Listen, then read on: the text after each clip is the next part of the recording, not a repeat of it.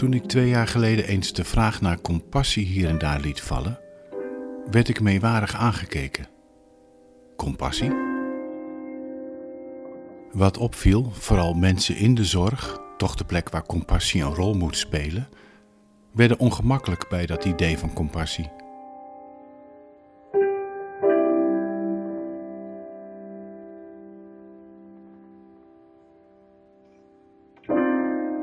Liever hadden ze het over aanpakken, regelen, doen. Nu twee jaar verder en nog midden in een coronacrisis weten zij wel beter. Ja, de vraag naar compassie is een legitieme. Dit is de zesde aflevering in de serie De Zeven Vragen. Dit keer de vraag over compassie. Als er één thema is in mijn leven dat ik uh, zowel uh, ja, wat me altijd verwonderd heeft, maar wat, wat mij ook altijd aanzet om, om wat te doen, is, is, is het lijden uh, dat we onszelf aandoen. In deze aflevering hoor je fragmenten uit mijn gesprekken met alle zeven gasten.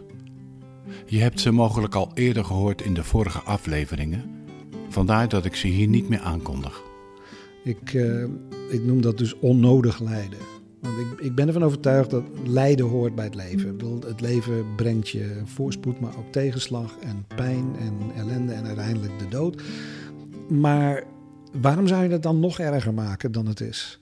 En dat zie ik zo vaak, hè, van uh, mensen die, die stapelen uh, uh, pijn en, en verdriet en, en zeg maar slachtofferschap bovenop het lijden dat het leven sowieso brengt. En maken het dan tien keer zo erg.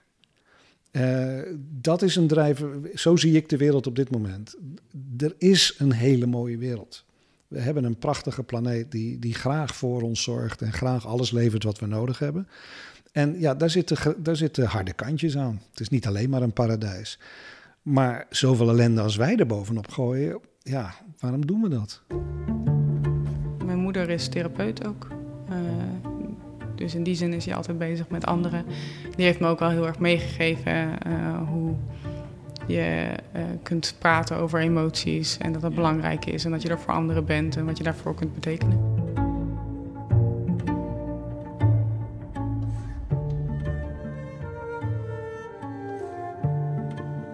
Compassie.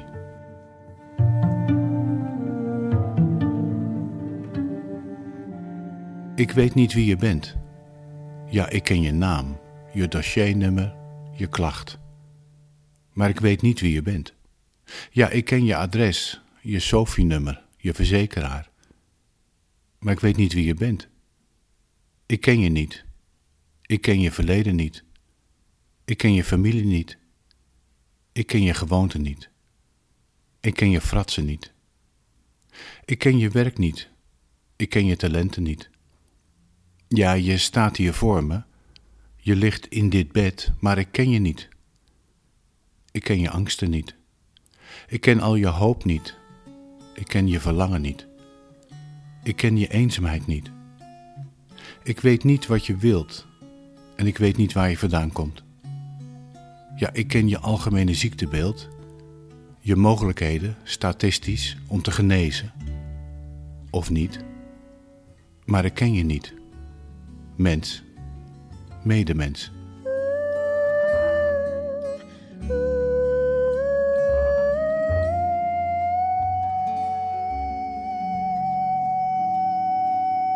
Over welzijn en over welbevinden van mensen.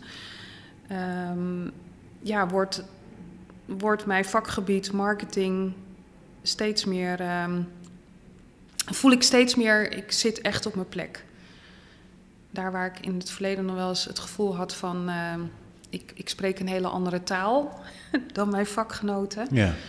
merk ik nu uh, van, uh, ja, ik zit echt op mijn plek. Ja, dus, en daar zit ook die blijdschap van... Ik heb, we hadden het net over de hindernissen die ik ervaren heb onderweg naar jou hier in Rotterdam. En, um, maar tegelijkertijd ben ik er. Mm -hmm. Ik ben er wel gekomen. Ja. En um, ja, en, en, ik, en ik kan ook van mezelf zeggen dat ik alles op eigen kracht gedaan heb, waar ik nu ben. En um, ja, dus dat, dat is ook het bijzondere. Ik kan, ik kan uh, aan de ene kant heel veel verdriet voelen, maar dat is dan vooral die compassie.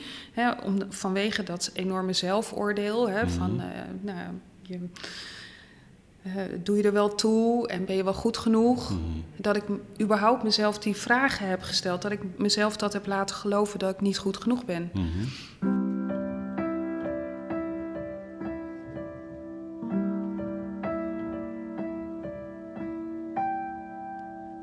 dat heb ik in mij, hmm. die compassie. Hmm. En die is vooral gericht geweest op de buitenwereld. Hmm. Voor mijn veertigste. Nu door deze verstilling is die compassie is, is, is, is, belangrijk om mezelf te accepteren. En die acceptatie is nodig voor de derde trede.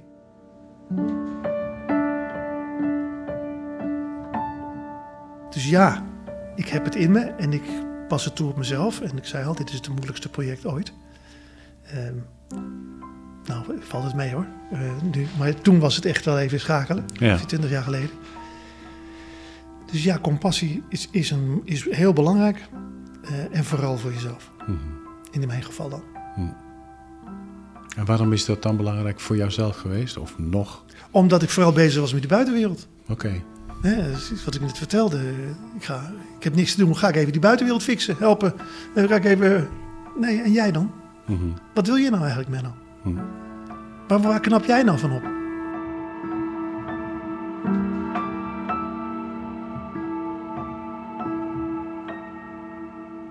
Als we niet onszelf in de ander blijven zien en tegelijk bij onszelf blijven, dus zuiver in de verbinding, verwarren we de ander met onszelf. Wij willen helpen, hebben goede bedoelingen en de ander wordt dan ons doel. Maar compassie is slechts die verbinding en niet dat wat tot stand komt met al dan niet goede bedoelingen. Ons handelen, zeker als de ander hulp nodig heeft, staat los van wat wij er zelf van vinden. Ja, nou en dat zien is wel een hele goede skill. Die is ooit begonnen met uh, natuurlijk vanuit een veiligheid bij mijn, uh, voornamelijk bij mijn moeder van, uh, dat zij me zag. Ehm, maar die is inmiddels omgedraaid naar ik zie mezelf en van daaruit kan ik die ander zien. Ja. Um, maar het is wel een hele mooie les geweest. Het is een zware les geweest, maar het is wel een, een mooie les geweest. Ja. Um, en mijn vader, mijn vader is verongelukt toen ik 15 jaar was. Mm -hmm. En toen stond ik er eigenlijk in feite helemaal alleen voor. Dus toen, ik ben eigenlijk continu opgeleid met alles wat ik meegemaakt heb. Uh, om mezelf te zien. Hm. Ik heb ook uh, een deeltijdstudie gedaan, want ik dacht, ik moet een vorm vinden waarmee mensen mij kunnen begrijpen. Dus ik probeerde me dan af en toe uh, aan te passen. Ik denk van ja, ik heb een diploma nodig, want dat is een iets, een vorm, die mensen kunnen begrijpen, waardoor ze met mij in gesprek kunnen. En waardoor ze het ook niet meer als ehm, ja, argument kunnen gebruiken om niet met me in gesprek te gaan. Dus ik heb bedrijfskunde gestudeerd uh, deeltijd. Toen mijn uh, dochter dus, want ik dacht van ja, mijn verleden wordt niet jouw heden. Dus ik heb uh, nog wat verantwoordelijkheden. Dus ik heb mijn studie afgemaakt. Want ik denk van ja, dat ben ik gewoon aan mijn stand verplicht om dat te doen.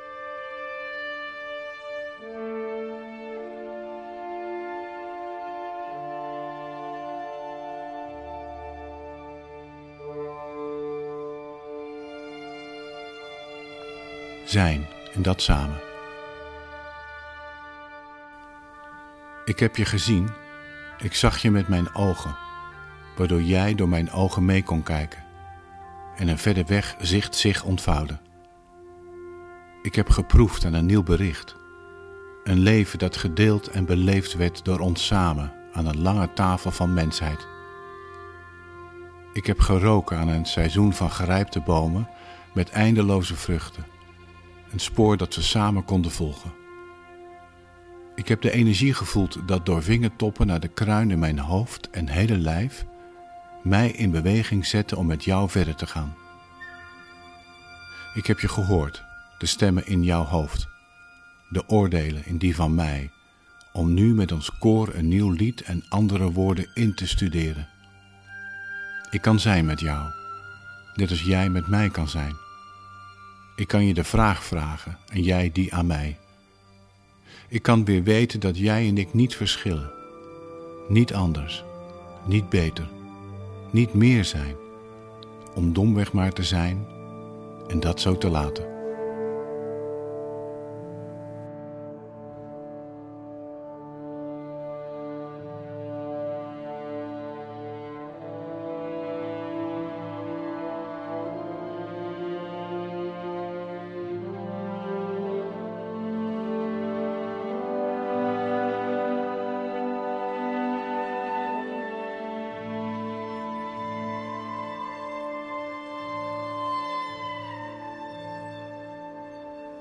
Is uh, spreken niet een vorm van compassie dan? Um,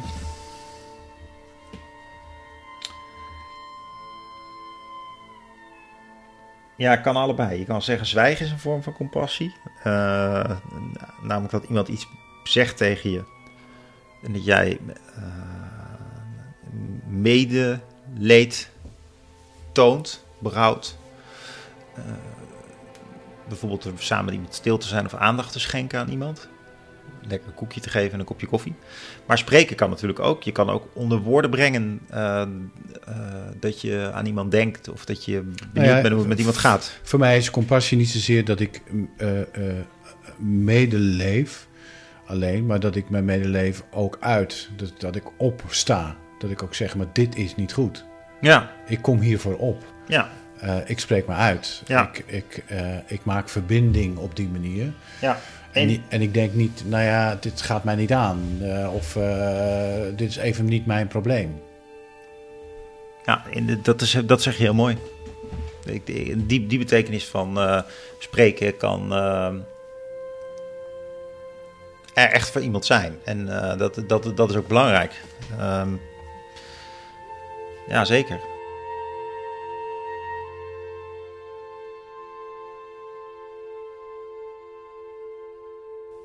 Compassie is actief, staat nooit stil, overstijgt, pakt beet, morrelt aan alles, schudt aan bomen, maakt dromen waar en vooral gelooft in ware dromen. Daarmee is het handelen vanuit compassie geen zaak van halfzachtheid, van het uitdragen van vage ideeën, van zachtjes schuifelen door de straten. Compassie is betekenisvolle verandering creëren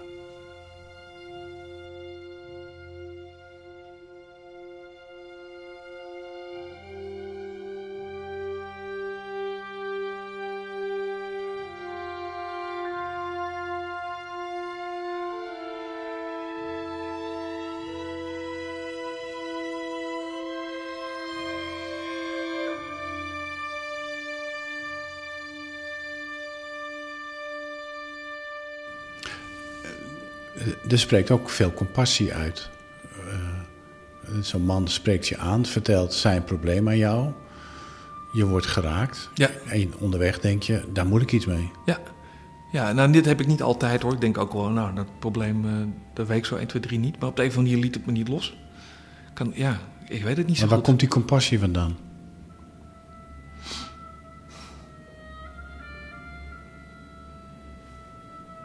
Ja, de, de, waar dat vandaan komt, de, ik weet het niet. Overigens, als ik het hier, uh, ja, die compassie, nou, nu klinkt het alsof ik heel veel compassie heb. Een van je vragen was ook, uh, die zag ik, wel, hoe, hoe, voed je je wolf, geloof ik, hè? je compassiewolf? Ja. ja. Um, dat vond ik nog wel een lastige vraag, omdat die maatschappelijke wolf van mij, die wordt flink gevoed. Dat is een wolf met obesitas zullen we maar zeggen. Mm -hmm. Maar de zelfcompassie die is een stuk kleiner. Dat is een, dat is een welpje. Mm -hmm. Dus ik zorg misschien helemaal niet zo goed voor mezelf. En ik denk dat mijn hele naaste omgeving uh, mij ook niet altijd even compassievol vindt. Uh, dus misschien vind ik het wel makkelijker om vol compassie te zijn voor iets wat een beetje op afstand staat. Misschien heeft het zelfs met die controle te maken waar we het net over hadden. Mm -hmm. Oh, daar verzinnen we dan een of ander groot concept voor en dat gaan we eens even regelen en kijken eens uh, hoe. En dat blijft toch een beetje op afstand. Ja. Dan de compassie uh, uh, die je misschien niet volledig voelt of minder voelt voor je directe omgeving. Of voor jezelf. Of voor nou, in ieder geval voor mezelf. Ja. Ja. Deals the cards as a meditation. And though he plays, never suspect. He doesn't play for the money he wins. You don't play for respect. He deals the cards to find the answer the sacred geometry of chance, the hidden law of a probable outcome, and the numbers lead a dance. I know the spades are the swords of a soldier. I know the clubs are weapons of war. I know the diamonds are money for this art, but that's not the shape of my heart. That's not the shape of my heart. Ik denk dat compassie gaat over ehm, het in ieder geval jezelf aantrekken. That's not the shape of my Eh, luisteren, naast iemand kunnen staan, eh, zonder oordeel. Eh, kunnen zien waar iemand behoefte aan heeft. Door een deel empathie, maar ook vooral duiken in die belevingswereld en vanuit daaruit op zoek wel gaan naar oplossingen. That's not the shape of my heart. That's not the shape, the shape of my heart. Zie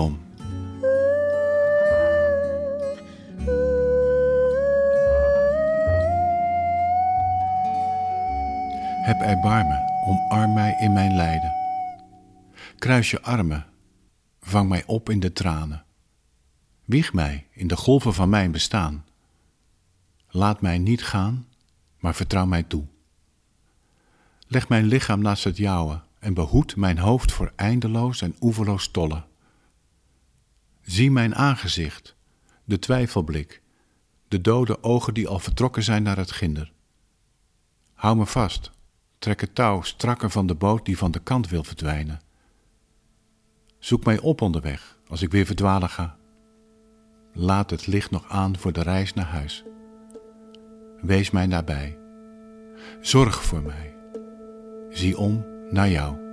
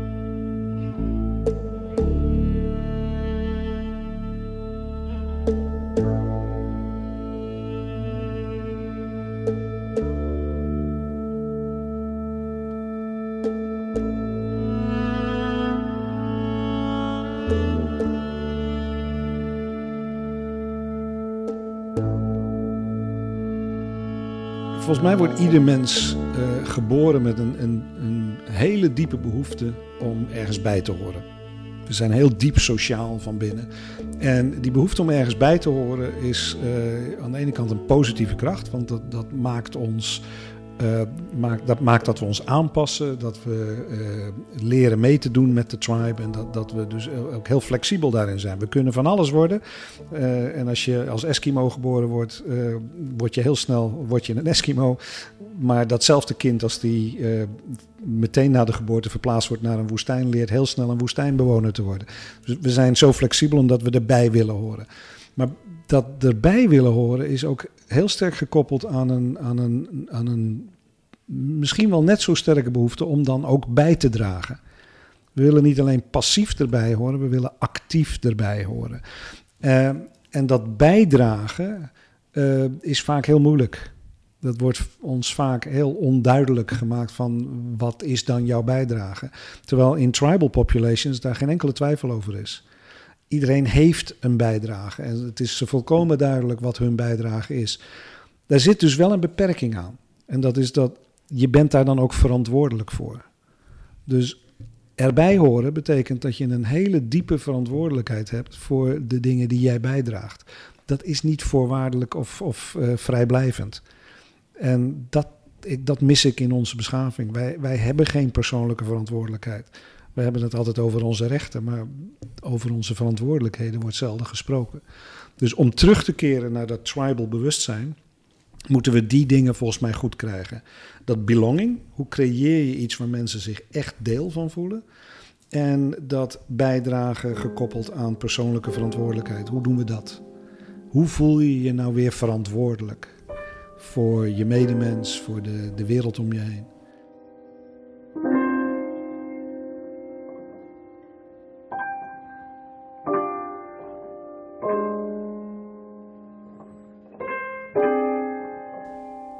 Ik dank al mijn gasten voor onze gesprekken samen.